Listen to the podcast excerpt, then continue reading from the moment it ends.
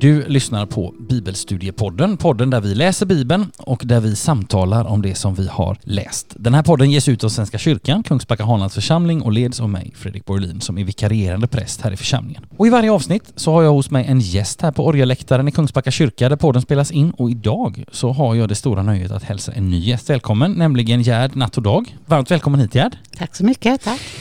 Gott. Jag tänkte jag vill ställa några frågor till dig. För det första, min, min presentation av dig var ju ganska tunn. Det var bara ditt namn. Mm. Vill du berätta, vem är du? Vad gör du i församlingen här? Ja, jag är pensionär och så vidare så att jag har eh, kunnat engagera mig lite mera i Ja. kyrkan. Så jag är kyrkvärd fast det har inte blivit så mycket av det nu under pandemin. Nej. Men jag är, står fortfarande kvar Ja, gott. Och hjälpt till lite i eh, kyrkcaféet och så här och Ja. vad det behövs. Mm. Härligt. Och då kan vi säga också att eh, när det här sänds, det är ju några veckor eh, efter att vi spelar in det, då hoppas vi att det finns mer att göra för kyrkvärdarna. Det hoppas vi. Verkligen. Vad, något an- vad gör du annars när du inte är kyrkvärd och sådär? Eller? Jag sjunger i kör. Åh, vad Det trevligt. tycker jag är väldigt roligt. Så jag är med i två körer. Ja. Töle kyrkokör och i Kungsbacka kammarkör.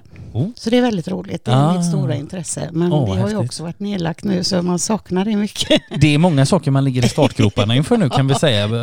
Ja, kan Gruppverksamheter, säga. Ja. körer och sånt där. Ja. Men gott att du kunde ta dig hit i alla fall och finnas med i det här sammanhanget. Mm. Mycket roligt att du eh, tackade ja till min inbjudan. Om vi ska, det här är ju en bibelpodd så jag brukar ju ställa Mm. lite, någon, någon bibelrelaterad fråga. Om jag säger så här, frågar dig så här, när, var och hur läser du bibeln?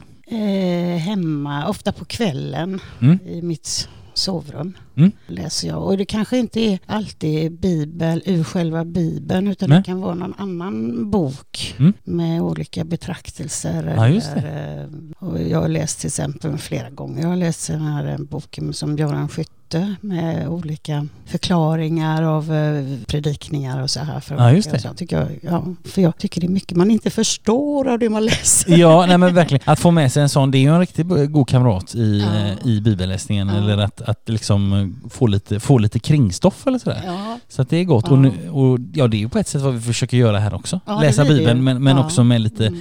att ge, försöka ge en ram och lite sammanhang och sådär. Ja, Mm. ja vad gott. Har du något bibelställe sådär som ligger dig extra varmt om hjärtat? Ja, det är ju uh, Saltaren. Ja. Herren är min herde. Ja, härligt. Den- Saltaren 23. Ja, Saltaren 23. Den är väldigt god. Det är, det, är, det är ju en favorit. Har varit och är även hos andra som har gästat oss här. Men den, den är god. Alltså man förstår att den är en favorit verkligen. Mm. Den är, ger en en sån eh, trygghet tycker jag. Ja. ja, det är gott. Det är en av de finaste bilderna av Herren. Att Mm. han är en herde. Det är verkligen gott alltså. Gott. Ja, du ska känna dig varmt välkommen hit. Tack så mycket. Vi ska göra så kära vänner att eh, vi ska strax hoppa in i dagens läsning. Apostlagärningarna 9 är det som gäller då, men vi ska göra så att vi ska samla oss först i bön. Helt kort bara för att också på det sättet förbereda oss inför läsningen av ordet. Så vi, jag knäpper mina händer, du som lyssnar är varmt välkommen att göra det också. Låt oss be. Kära Herre, så ber vi dig att du öppnar ditt ord för våra hjärtan och våra hjärtan för ditt ord. Amen. Idag ska vi läsa Apostlagärningarna 9. Men innan vi går in i läsningen, bara några korta ord för att så att säga ta upp tråden från vad vi tidigare har läst. Motstånd, det är ju ett ord som har följt oss och präglat de senaste kapitlen skulle vi kunna säga. Om vi bara blickar bakåt lite grann. I kapitel 5, det är ju ett par kapitel sedan, så läste vi om Ananias och Safira och om hur rådet ingriper mot apostlarna. Så där var det motstånd. I kapitel 6, det mycket korta kapitel 6, så läser vi om hur församlingstjänare utses för att det är lite gruff och sånt här kring den här matutdelningen. Och så får vi läsa om hur Stefanos grips, så där är det också motstånd på ett sätt. I kapitel 7 läser vi om hur Stefanos långa tal och om hans död, så där är det också motstånd. Och i kapitel 8 så får vi läsa lite om hur Saul förföljer de kristna och så om händelser i Samarien och om Filippos och den etiopiska hovmannen. Så där finns det också lite motstånd. Så det är alltså ett ord som har följt oss, men det är inte det enda ordet som har präglat de senaste kapitlen. Långt därifrån. Och motstånd är heller inte det ord som präglar den här dagens kapitel. Tvärtom, idag ska vi få läsa ett av de, tror jag, mest välkända avsnitten i hela apostlagärningarna. Nämligen om det som Saul får vara med om på vägen till Damaskus. Vad som händer där och så att säga det efterspel som sedan kommer. Det kommer vi att stöta på i dagens kapitel. Och så får vi i det allra sista avsnittet idag följa också aposteln Petrus en sväng. Så vi skulle kunna sätta en överskrift över dagens kapitel. Eh, om vi skulle drista oss till att göra det så skulle det till exempel kunna vara vändning, för här sker ju faktiskt en ganska rejäl vändning i dagens kapitel. Vi ska gå in i vår läsning och det är glädjande nog Gerd som kommer att läsa för oss idag och vi kommer att dela upp läsningen precis som den är angiven i Bibel 2000 i fyra avsnitt. Så vi börjar med att lyssna till det avsnitt som i, i alla fall i min bibel heter Saul på vägen till Damaskus. Saul, som ännu rasade av modlust mot Herrens lärjungar, gick till översteprästen och bad att få med sig brev till synagogorna i Damaskus. Om han fann några som hörde till vägen, män eller kvinnor, skulle han få fängsla dem och föra dem till Jerusalem. Men när han på sin resa närmade sig Damaskus omgavs han plötsligt av ett bländande ljussken från himlen. Han föll ner till marken och hörde en röst som sa till honom Saul, Saul, varför förföljer du mig? Han frågade Vem är du, Herre? Jag är Jesus, den som du förföljer. Stig upp och gå in i staden så får du veta vad du ska göra. Hans reskamrater stod förstummade. De hörde rösten men såg ingen. Saul reste sig upp, men fast hans ögon var öppna kunde han inte se. De tog honom då vid handen och ledde honom in i Damaskus. Under tre dagar var han blind och han varken åt eller drack. Tack så jättemycket Gerd. Gott, nu är vi igång och nu har vi fått höra om den här ganska rejäla vändningen. Jag tänkte jag har några saker som jag bara ville, en kort sak och en lite, en lite längre sak som jag ville säga om det här avsnittet. Eh, jag tror som sagt att det här är nog en av de mest kända händelserna i hela apostlagärningarna. Men det som jag skulle vilja stanna upp till det är det här epitetet eller de här, den här lilla frasen som vi hörde Gerd läsa för en liten stund sedan i vers 2. Några som hörde till vägen, alltså om Paulus eller Saul som han fortfarande heter, om han hittade några som hörde till vägen så skulle han få fängsla dem och föra dem med sig till Jerusalem. Alltså det här namnet vägen, det var alltså samtidens namn på den urkristna församlingens egentligen både lära och liv på något sätt. Saul använder ju själv, eller Paulus som han senare ska komma att få namnet, eller liksom figurera under det namnet. Paulus använder ju själv det här uttrycket senare. Han säger till exempel i Apostlagärningarna 22 så säger han så här, jag har varit dödsfiende till vägen och tagit fast både män och kvinnor och satt dem i fängelse. Det kan översteprästen och hela rådet intyga. Av dem fick jag med mig brev till våra bröder i Damaskus och reste dit för att också där fängsla folk och föra dem till Jerusalem där de skulle få sitt straff. Det är också intressant att notera att Paulus faktiskt, och för här nu läste jag från Apostlagärningarna 22 och då hör vi, han berättar ju precis om den här, om det här som, som Gerd läste om nu i kapitel 9 och det är också intressant att vi kan notera att Paulus på flera andra ställen, han liksom reflekterar eller liksom använder sig av vad han tidigare har gjort i det han nu gör för Guds rikes sak. Alltså han, jag kan ge, vi ska ge några exempel. I Apostlagärningarna 26 så läser vi så här till exempel. Paulus, Paulus säger Jag fann det själv vara min plikt att på allt sätt bekämpa Nazaren i Jesu namn och jag gjorde det också i Jerusalem. Med fullmakt från översteprästerna satte jag många av de heliga i fängelse och när man ville döda dem röstade jag för det. Överallt i synagogorna fick jag dem gång på gång straffade och tvang dem att häda. Ja, i mitt raseri förföljde jag dem till och med i städer utanför Judeen. När jag för den skull reste till Damaskus med översteprästernas fullmakt och på deras uppdrag fick jag under färden, kung Agrippa, mitt på dagen se ett ljus som kom från himlen och omgav mig och mina reskamrater med ett sken som var starkare än solen.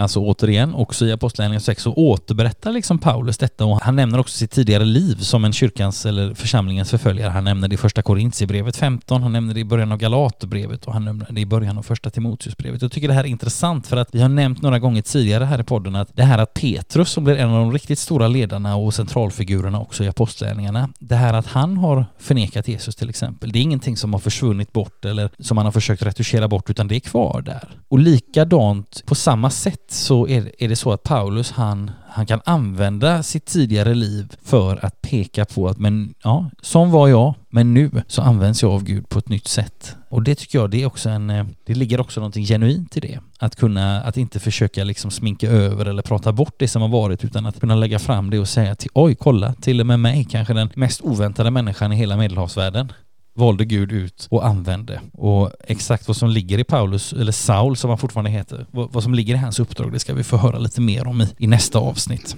Det var det ena jag ville säga. Sen det här korta bara, att det står så här i vers 8 när jag läste det, så men fast hans ögon var öppna kunde han inte se. Alltså det här är ju både kan vi säga en beskrivning av en medicinsk blindhet som han har, har eh, fått i med det här ljusskenet. Men det är på samma gång en beskrivning av Paulus handlande och kan man säga Paulus liv upp till den här punkten, det vill säga hans förföljande. Han har inte sett vad som har skett runt omkring sig i Jesus från Nasaret och så vidare. Men nu, nu har han ju fått ett, ett par ögon öppnade fastän han är blind. Och de där ögonen ska ju öppnas mer och mer eftersom han mer och mer kommer att liksom vandra in i vad det är han ska göra och vem det är som har kallat honom så att säga.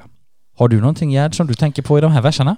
Nej, jag tänkte på just det du sa, det där med att vara blind. Ja. Att man, kan, man tänker inte liksom bara på ren fysisk blindhet. Nej, utan nej, man, inte kan, man ser inte, man förstår inte. Nej. I once was blind, but now I see. Just det, Amazing Grace. Amazing Grace tänkte jag på. Ja. Mm. Ja, det är, ju väl, det är ju också en sång som, nu skrevs den ju något efter Paulus, men, Ja, men, men, men den, den skulle ju han ha kunnat skriva eller stämma in i. I once was blind but now I I see. see. Och det kan jag tänka, det kan ju också vara en, för det vet jag också, vi har pratat om här tidigare, att det här med att eh, hur vi upplever Guds närvaro och sådär, att jag vet flera gäster som har sagt, eller vi har kunnat, vi har kommit, kunnat tala om det, att, att ibland så är det ju så att vi, vi har lättare att se Gud i backspegeln så att säga än i framrutan. Att ibland kan vi tycka var, var är Gud nu och varför händer detta? Och sen så när vi har så att säga kommit en bit framåt och kan se den där händelsen i backspegeln då ser vi Gud också liksom. Så det är häftigt. Men kan vara svårt samtidigt men vi behöver påminna oss om det för det är mångas erfarenhet.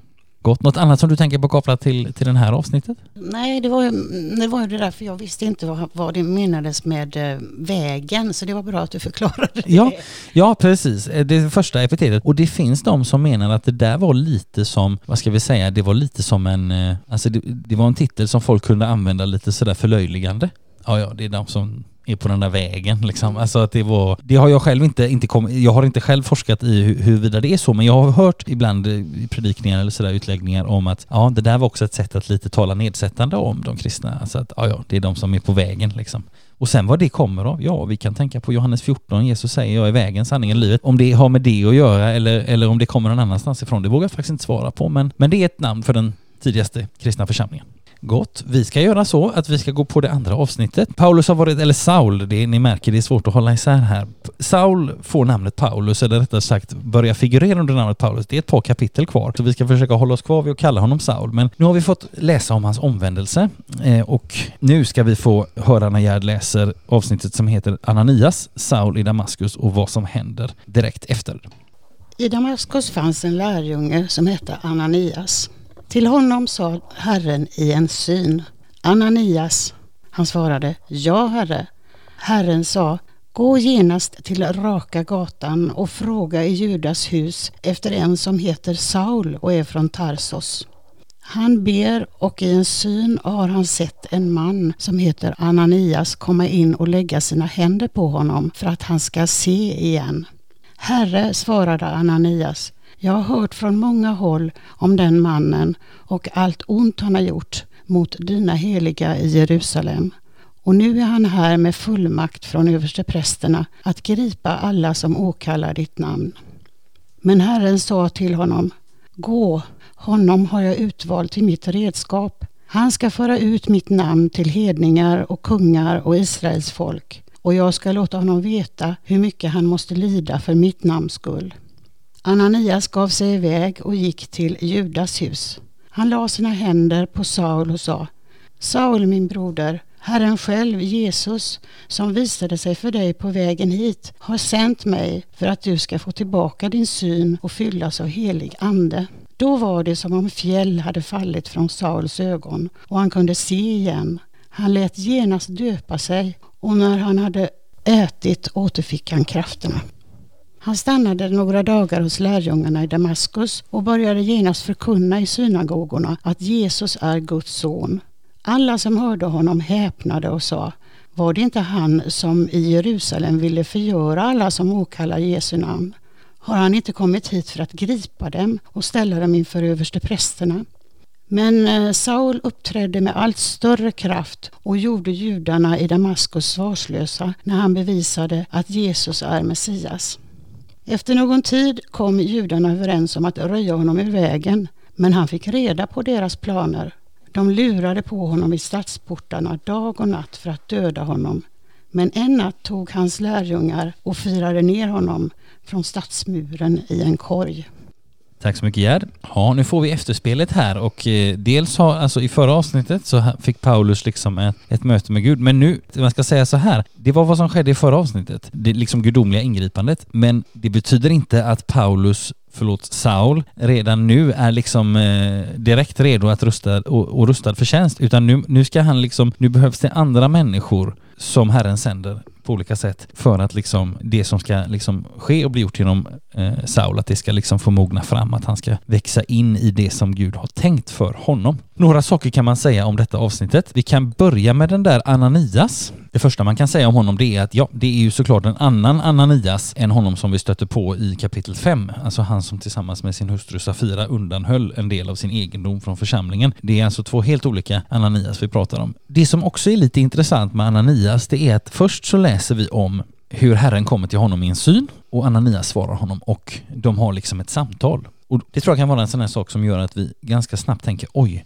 här är någon som har en som verkligen lever ett överlåtet liv när, när Gud bara kan använda honom på det här sättet. Och då är det samtidigt intressant att ändå Ananias på något sätt invänder, tycker jag. Han säger så här, jag har hört från många håll om den mannen och allt ont han har gjort mot de heliga i Jerusalem och nu är han här med fullmakt från översteprästerna att gripa alla som åkallar ditt namn. Alltså det är på något sätt att det finns både en så djup gudsgemenskap hos Ananias att han liksom verkar inte tycka att det är så jättekonstigt att, att Herren talar till honom liksom direkt. Samtidigt så säger han, men har du verkligen, tänker du rätt nu Gud? För att eh, du vet den här gubben, han, han är inte alls bra. Alltså, och jag tänker att den här protesten är intressant för den är inte oandlig, utan det är också en frimodighet att Ananias kan liksom komma inför Gud som han ju någonstans vet är universums herre och vet allting. Men ändå så kan han säga, ändå ligger det någonstans av en protest eller ett ifrågasättande eller ett höjt ögonbryn i det som, i det som Ananias säger här. Det är också intressant att Ananias vet det här, att han vet, han känner till Paulus i Damaskus, det är ju långt ifrån Jerusalem, och han vet inte bara vem Paulus är, eller Saul är, han vet också att Saul är på väg dit eller har kommit dit och vad han ska göra där. Men uppenbarligen så har han inte hört talas om vad som har hänt där på vägen. Men det säger också någonting om sammanhangen här. Det vill säga Ananias visste vem, vem Saul var och han visste att han var på väg till eller nu hade kommit till, till Damaskus med den här fullmakten från översteprästerna. Och, och det är också lite intressant precis som att han också kan liksom, ja, han höjer ett ögonbryn, han har en ärlig fråga till Gud och den vågar han ställa. Och det kan också vara en inspiration för oss att också våga ställa de ärliga frågorna till Gud. Det är det ena. Sen kan man också nämna den här orten som nämns i vers 11. Saul och är från Tarsos. Det ska man bara säga för det är faktiskt att det kommer, den, den orten kommer att nämnas fler gånger i Apostlagärningarna. Så vi kan bara säga någonting om den. Vad var det för ställe? Ja, Tarsos det var huvudstaden i Kilikien, alltså i östra nuvarande Turkiet. Paulus säger faktiskt en gång om sig själv, också det i Apostlagärningarna, han säger så här. Jag är jude från Tarsos i Kilikien, medborgare i en betydande stad. Och vad betyder då det, en betydande stad? Ja, det innebär att det är en hänvisning till förmodligen att Tarsos hade romerska statsrättigheter vid det här tillfället. Vad kan man då säga om den här staden? Ja, den är belägen på ett bördigt slättland mellan Taurusbergen i norr om staden och Medelhavskusten några mil söderut vid en flod som på den tiden hette Kydnos och idag heter Tarsusai idag. Så om man känner för att resa dit idag så kan man mycket väl göra det. det är, idag till, ligger den här staden i en provins som heter Mersin och i slutet av 2011 som var den senaste folkräkningen i Tarsus då hade staden 241 876 invånare. Så att man kan säga lite mindre än Malmö får vi väl tänka oss då. Tarsus kan vi också säga har en historia på över 9000 år så den har varit med ett tag. Den här staden var också länge ett viktigt stopp för, för handelsmän. Tarsus blev en viktig stad och plats. Den var bebodd av en brokig blandning av folk. Många liksom hade sina vägar dit eller sina vägar förbi, inte minst tack vare den goda väl anlagda hamnen och den förträffliga vägen som man låtit anlägga över de här Taurusbergen och genom den så kallade Kilikiska porten en av, i krigshistorien, viktig strategisk plats under lång tid. Många folkslag och civilisationer har varit i det här området och behärskat den här staden. Assyrier, perser, selevkider, romare med flera, med flera. Eh, araber, östromare, korsfarare, mindre Armenien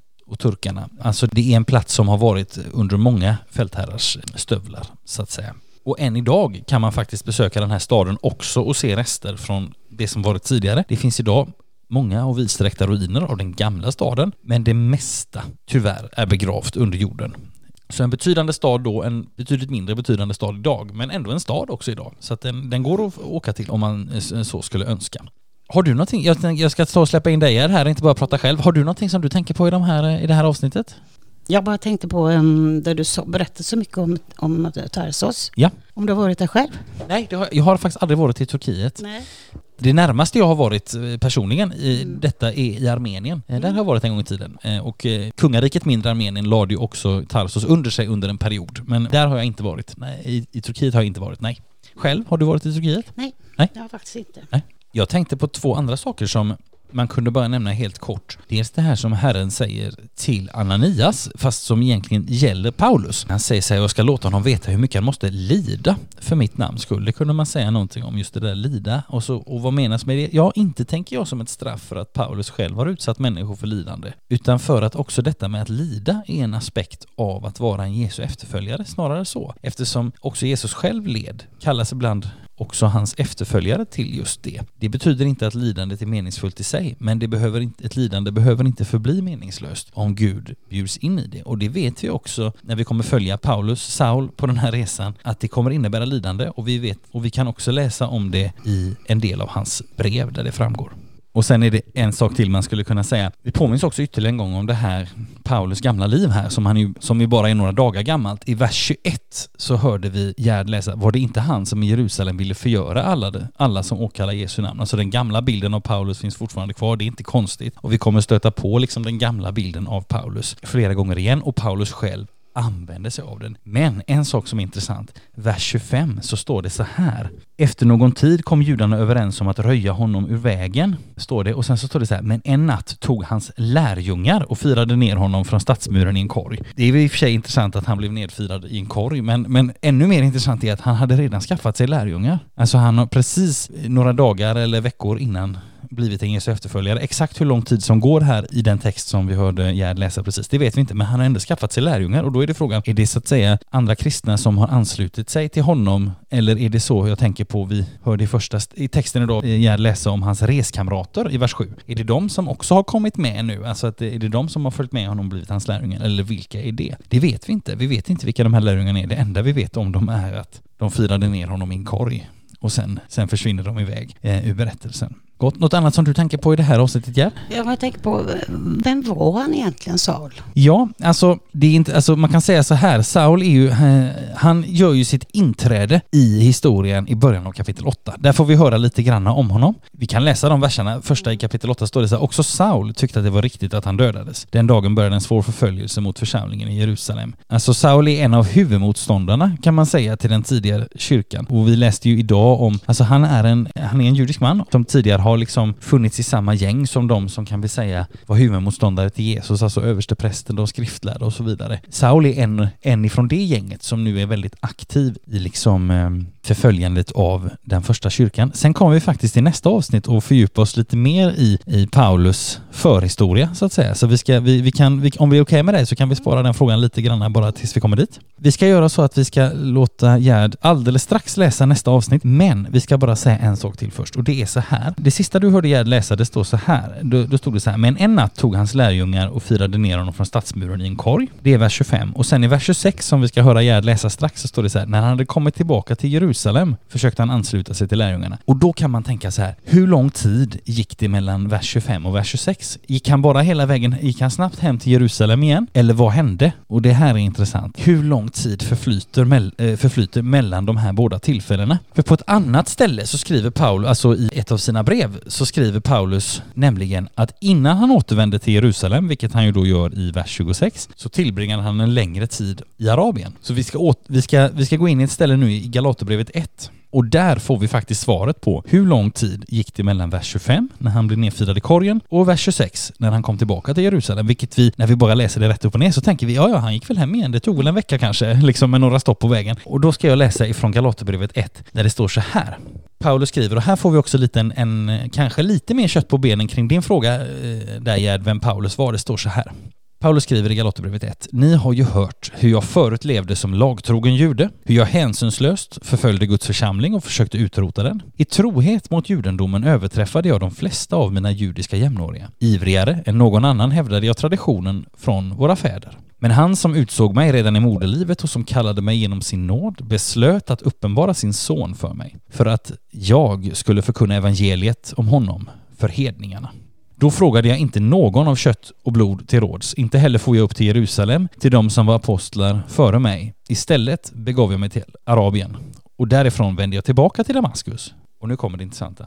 Först tre år senare for jag upp till Jerusalem för att få tala med Kefas och jag stannade 14 dagar hos honom. Någon annan av apostlarna såg jag inte, bara Herrens bror Jakob. Vad jag skriver är sant, det tar jag Gud till vittne på. Sedan kom jag till Syrien och Kilikien utan att ha haft någon beröring med de kristna församlingarna i Judeen. Det enda det man hört var att han som en gång förföljde oss förkunnar nu den tro som han förut ville utrota och man prisade Gud för min skull.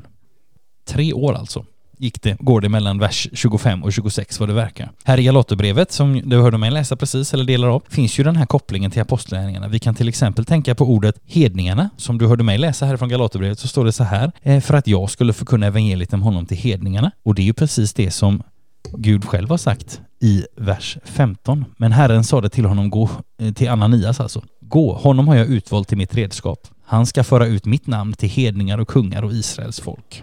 Och så läser vi de här orden tre år senare. Så lång tid tycks det alltså ha förflutit mellan verserna 25 och 26 i det här kapitlet. Så nu ska vi göra så att vi ska låta Gerd läsa det här avsnittet som i min bibelöversättning har överskriften Saul i Jerusalem.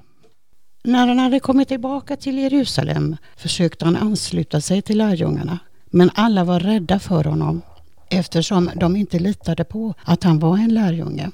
Då tog Barnabas honom med sig till apostlarna och berättade för dem hur Saul på vägen hade sett Herren som talat till honom och hur han frimodigt hade predikat i Jesu namn i Damaskus. Sedan fick Saul komma och gå som han ville hos dem i Jerusalem och talade frimodigt i Herrens namn. Han predikade också för de grekisktalande judarna och disputerade med dem. De bestämde sig för att röja honom ur vägen, men när bröderna fick reda på detta tog de honom ner till Caesarea och skickade honom därifrån vidare till Tarsos. Ja, återigen några saker i det här avsnittet som vi känner till och som vi kan också stanna upp inför. Det slutar med att, att Paulus skickas tillbaka till Tarsos, ja som vi för en stund sedan hörde betydligt mer om. Och som vi, så det behöver vi knappast repetera nu några minuter senare. Det är ju också Paulus hemstad. Han skickas hem igen helt enkelt. Och sen hör vi inte så mycket om honom och vi vet heller inte så jättemycket om vad som händer där.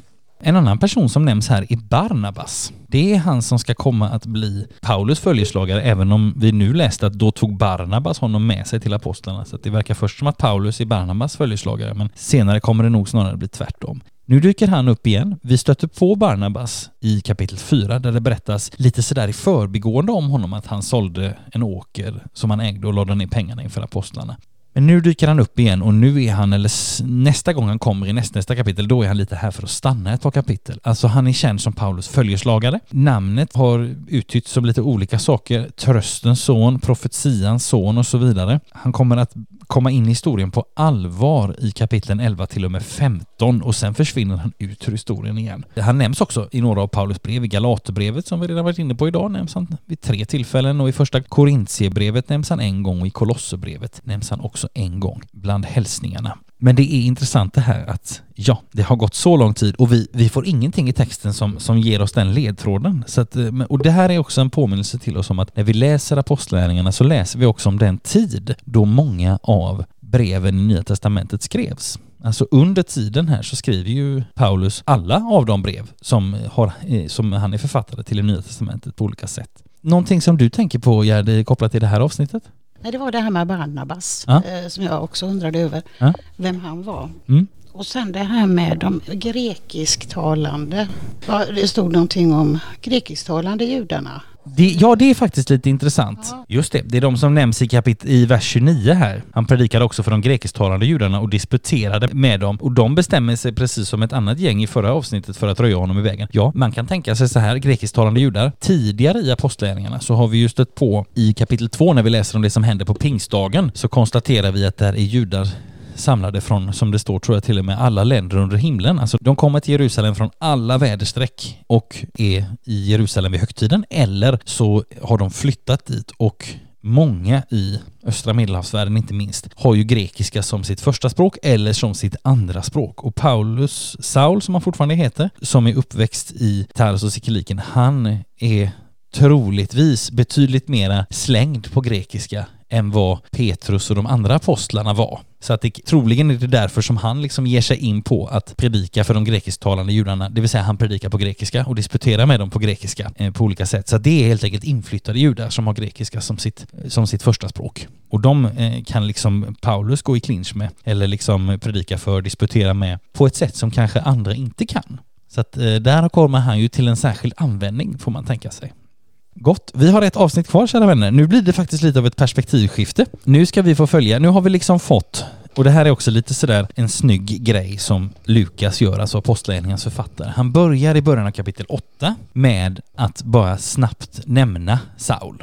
Saul tyckte det var riktigt att Stefanos dödades, vilket skedde i kapitel 7. Och sen så händer några saker och sen kommer kapitel 9 som vi är idag och nu får vi en ganska rejäl introduktion till hur Saul kommer in i liksom berättelsen och i den kristna församlingen i det här sammanhanget. Men det betyder inte att Paulus tar över, eller Saul tar över hela berättelsen och vi får aldrig höra något annat, utan nu skiftar perspektivet igen och eh, Saul fejdar ut och Petrus fejdar in. Så att nu skiftar perspektiven ännu en gång. Vi ska få följa Petrus ett tag i det här avsnittet och i nästa kapitel och lite i nästnästa. Så vi ska lyssna till när Gerd läser avsnittet som i min bibel heter Petrus i Lydda och Joppe. Kyrkan fick nu vara i fred i hela Judeen, Galileen och Samarien. Den byggdes upp och levde i gudsfruktan och den växte genom den heliga Andens tröst och stöd. Petrus vandrade från plats till plats och kom då också till de heliga som bodde i Lydda. Där träffade han en man vid namn Aeneas som var förlamad och hade legat till sängs i åtta år. Petrus sa till honom, Aeneas, Jesus Kristus botar dig. Stig upp och gör själv i ordning din bädd. Genast steg han upp och alla som bodde i Lydda och på Saronslätten såg honom och de omvände sig till Herren. I Joppe fanns det bland lärjungarna en kvinna som hette Tabita, på grekiska Dorkas. Hennes liv var fyllt av goda gärningar och frikostighet mot de fattiga. Vid den här tiden blev hon sjuk och dog och man tvättade henne och bar upp henne på övervåningen. Lydda ligger inte långt från Joppe och då lärjungarna hörde att Petrus var där skickade de dit två män och bad honom komma över till dem så fort som möjligt. Petrus följde genast med.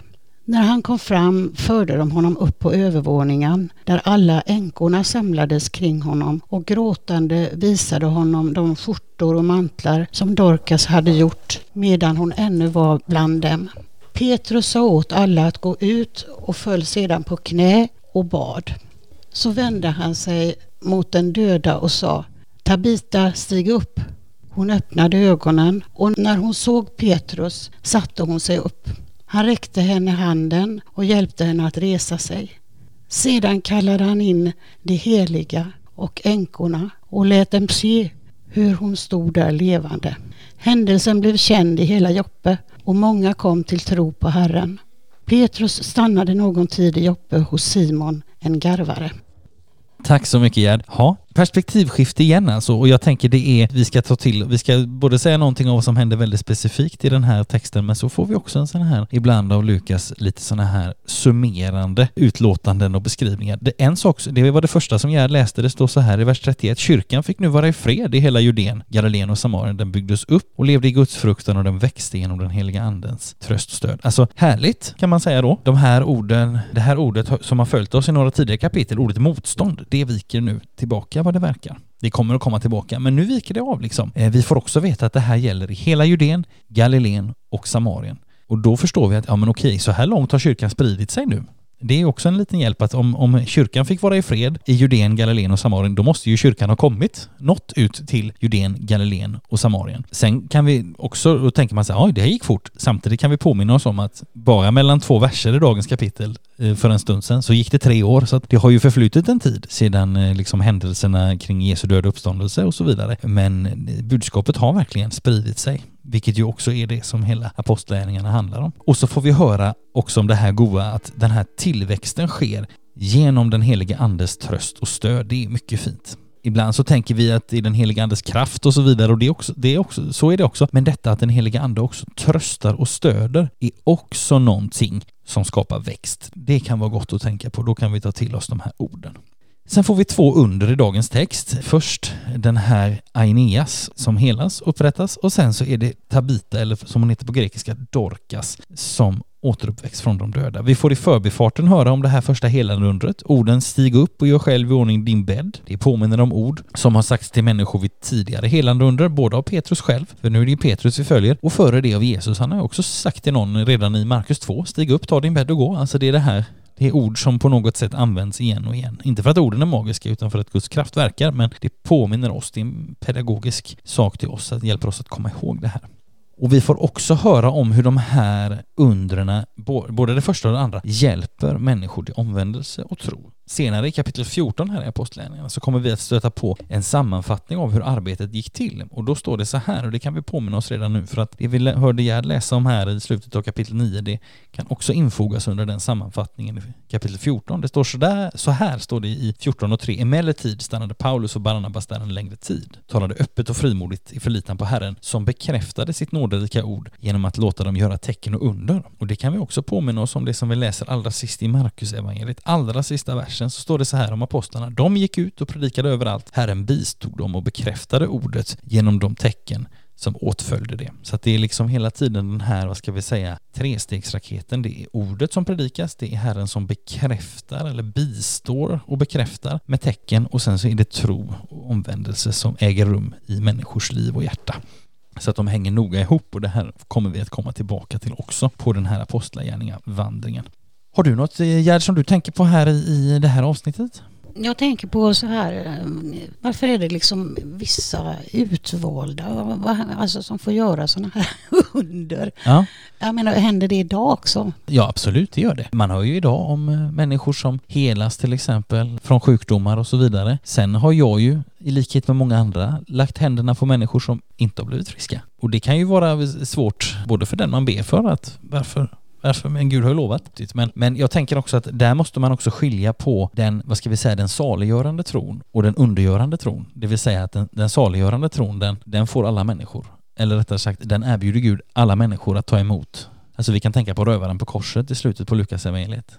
Rövaren säger tänk på mig när du kommer med ditt rike och Jesus bara direkt, redan idag ska du vara med mig. Alltså det var så lite som krävdes från den rövaren. Sen så, i, så ger Bibeln oss exempel och inte minst apostlagärningarna exempel på människor som verkligen går i den heliga andes kraft. Och då måste vi samtidigt komma ihåg att Lukas är ju väldigt intresserad av hur den heliga ande manifesterar sig. Samtidigt som Petrus är i Lydda och Joppe, som vi läser om, så är det förmodligen en väldig massa andra lärjungar som lever sina vanliga liv och som ber och som ger av sitt till andra och som försöker liksom vandra nära Gud och, och så vidare, men som inte får gå i samma liksom undergärningar. Och jag tänker att de läser vi inte om här, men de har vi runt omkring oss och de fanns här mellan, de finns här mellan raderna också så att säga. Så att det, det är väl möjligen den saken att alltså man ska skilja på den, den tro som, som frälser, som, som Gud erbjuder alla människor och den undergörande tron som, som vissa människor får. Men, men, det, men det är någonting annat så att säga. Eller rätt sagt, det är, någonting, det är ingenting vi behöver för att ha en, ett gott förhållande till Herren eller för att leva ett, ett liv som kristna. Sen kan vi ibland önska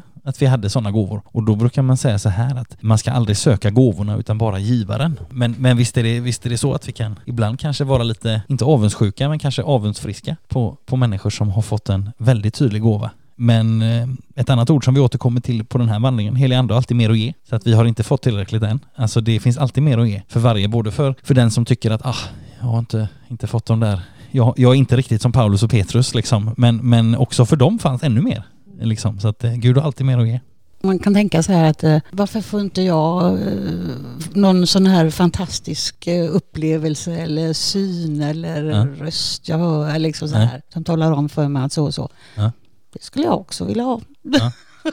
Ja, och jag kan säga så här, jag med. Ibland så tänker jag så här att, att och eh, det, skulle, det skulle vara så gott att få det. Alltså det, det kan jag verkligen stämma in i det du säger. Samtidigt så kan man tänka så här, att har man inte fått det så, så har man fått det man behöver ändå för att kunna tro så att säga. Vi, vi, kan ju läsa om även människor idag som får verkligen ett, en dramatisk omvändelse. Vi kan tänka på en person som är aktuell idag, Sebastian Staxet till exempel, en artist som eh, levde i kriminalitet och med droger och som fick ett väldigt tydligt omvändelse. Då kan man tänka så här, och det har inte jag fått, utan det för mig har det varit en växt, liksom, att jag har fått växa in, men eh, en resa med tydliga milstolpar men ändå en resa så att säga. Och detta med att, att Gud ingriper på olika sätt hos oss, ja, det, dels handlar det om att, tror jag, att som det står på något ställe, Herrens vägar är inte alltid våra vägar. Gud känner oss bättre än vad vi, än vad vi själva gör. Vet vad vi behöver liksom. Men visst, visst skulle det vara gott att få mer av det, så att säga. Samtidigt så säger Gud till varje människa, här finns jag i bönen, be, så svarar jag. Läs i mitt ord, här finns jag, kom till mitt nattvardsbord och så vidare. Så att det, det, är samtidigt, även om vi önskar oss ibland tror jag de där starka upplevelserna, så är det ju inte så att vi står utan arenor för att, eller verktyg för att söka oss närmare Herren. Tänker jag. Ja, det kanske är ett svar, det är nog inte hela svaret, men det, det är mitt svar som jag kan ge dig nu. Men jag tänker också att det kanske kan vara så att Gud tänker att, eh, han, att de här dramatiska sakerna med syner och, och röst, röst och tilltal och sådär, att mm. de, det, han koncentrerar sig på de som verkligen behöver lite där lite extra mm. för att se som vi sa. Ja. eh, inte vara blinda längre utan se. Ja. Kan det vara så tror du? Ja, jag, tänk, jag tänker så här att tron är en relation med Gud. Eh, en personlig och levande relation med Gud. Och att tro är också att älska Gud. Och för att vi ska kunna älska Gud så måste vi göra det av fri vilja. Vi kan inte, vi kan inte bli tvingade, utan vi måste välja Gud av kärlek. Och då är frågan om Gud skulle uppenbara sig i liksom eld och svavel och rök varje morgon, då skulle inte vi ha ett möjlighet att välja att älska och tro på honom, utan vi skulle vara tvingade att göra det. Och, och sen kan man då fråga, men, men hos vissa människor har ju uppenbarelsen varit så stark. Och då kan man tänka sig att ja, det ena sidan tänker jag är Gud vill att vi ska välja honom av kärlek och han uppsöker oss, han pockar på, han drar i oss hela tiden men han, eh, vi måste samtidigt själva göra valet så att säga. Det är det ena. Och samtidigt så kan vi läsa Gud vill att alla människor ska bli frälsta och komma till insikt om sanningen och därför så Därför så tänker jag att eh, ibland så får vi läsa om, eller till och med vara med om, särskilda saker särskilda kallelser och det betyder inte att, att den eller den personen skulle vara mer älskad eller mer dyrbar i Guds ögon men kanske ha en särskild uppgift. Eller kan man säga, kanske en person som har kommit i kontakt med, med sin djupaste kallelse, vilket kanske inte alltid vi har gjort än. Alltså vi, Gud har mer i förvar åt oss som vi inte känner till än riktigt så att säga. Men det, det är spännande frågor, det är stora frågor, mycket stora frågor. Har du något annat Gerd som du tänker på kopplat till det här avsnittet? Inte just nu, nej. Två bara korta anmärkningar innan vi går in för landning här. Lydda och Joppe är ju Petrus i här, alltså eh, två orter västerut från Jerusalem. Alltså Joppe, alltså i nutidens eh, Jaffa, alltså en hamnstad väster om Jerusalem, som faktiskt nämns på eh, ett annat ställe i Bibeln, nämligen i Jona bok i början av Jona, alltså profeten Jona, han som bodde i en fisk under ett par dagar. Där står det så här i början av den boken. Herrens ord kom till Jona, Amittais son. Vi ger dig till Nineve, den stora staden, och håll en straffpredikan. Jag har fått ögonen på ondskan där. Och Jona gav sig iväg, men för att fly till Tarshish, bort från Herren. Han vandrade ner till Jafo, det vill säga Joppe eller då Jaffa och fann där ett skepp som skulle till Tarshish. Han betalade för resan och gick ombord för att följa med till Tarshish bort från Herren. Det här är också en intressant sak som skulle kunna hjälpa oss i svaret på den förra frågan. Det vill säga, ibland kanske vi är en Jona. Vi kanske flyr åt andra hållet när Gud uppenbarar sig och kallar oss till någonting. Och lydda då som, som, Paulus är, eh, som Petrus är i först, ja det är ju på vägen mellan Jerusalem och då Joppe, Jaffa som ligger, eh, som ligger vid Medelhavskusten. Det är det ena. Och sen så bara en liten intressant notis allra sist i dagens kapitel att Petrus stannade någon tid i Joppe hos Simon, en garvare. Och det här är också intressant. Alltså garvning var ju för judarna ett orent hantverk eftersom garvare kom i beröring med döda djur. Vi kan läsa i tredje Mosebok 11 står det så här, vers 39. Om någon av de landdjur som ni får äta skulle dö blir den som rör vid dess döda kropp oren till kvällen. Alltså hos denna Simon Garvaren som vi får tänka tillhörde de troende, alltså vägen, kan vi kanske se en koppling till lite andra personer här i Apostlagärningarna. Dels så kan vi tänka på den etiopiska hovmannen som var evnuk i förra kapitlet, men som blev liksom inlemmad i gudsfolket. Och sen så får vi höra om garvaren Simon här, vi har fått höra om Paulus som, som både har hört till gudsfolket innan men, nu som, men som nu har inlemmats på ett nytt sätt här i kapitel 9. Vi kommer i nästa kapitel att få höra om centurionen Cornelius i Caesarea som också stod utanför gudsfolket men som då kommer att inkluderas när Petrus besöker honom. Och kanske kan vi se något liknande hos denna garvare som hade ett judiskt namn, som förmodligen tillhörde de troende, kommit, som kommit till tro på Jesus, men som var garvare som på något sätt hade varit utstött eller levt i marginalen av den judiska gemenskapen genom sitt yrke, men nu, vad det verkar, har blivit liksom inlemmad i gemenskapen. Så att nya människor lämnas in, tidigare människor som tidigare stod utanför får komma in, ringarna på vattnet som hela tiden blir större, det är också ett sätt att se på apostlagärningarna. Gott. Med de slutorden så ska vi knyta ihop eh, den påse som heter Apostlagärningarna kapitel 9. Och det ska vi göra på mer eller mindre exakt samma sätt som vi alltid brukar göra. Jag vill för det första säga till dig Gerd, stort tack för att du kom hit. Tack för att jag fick komma.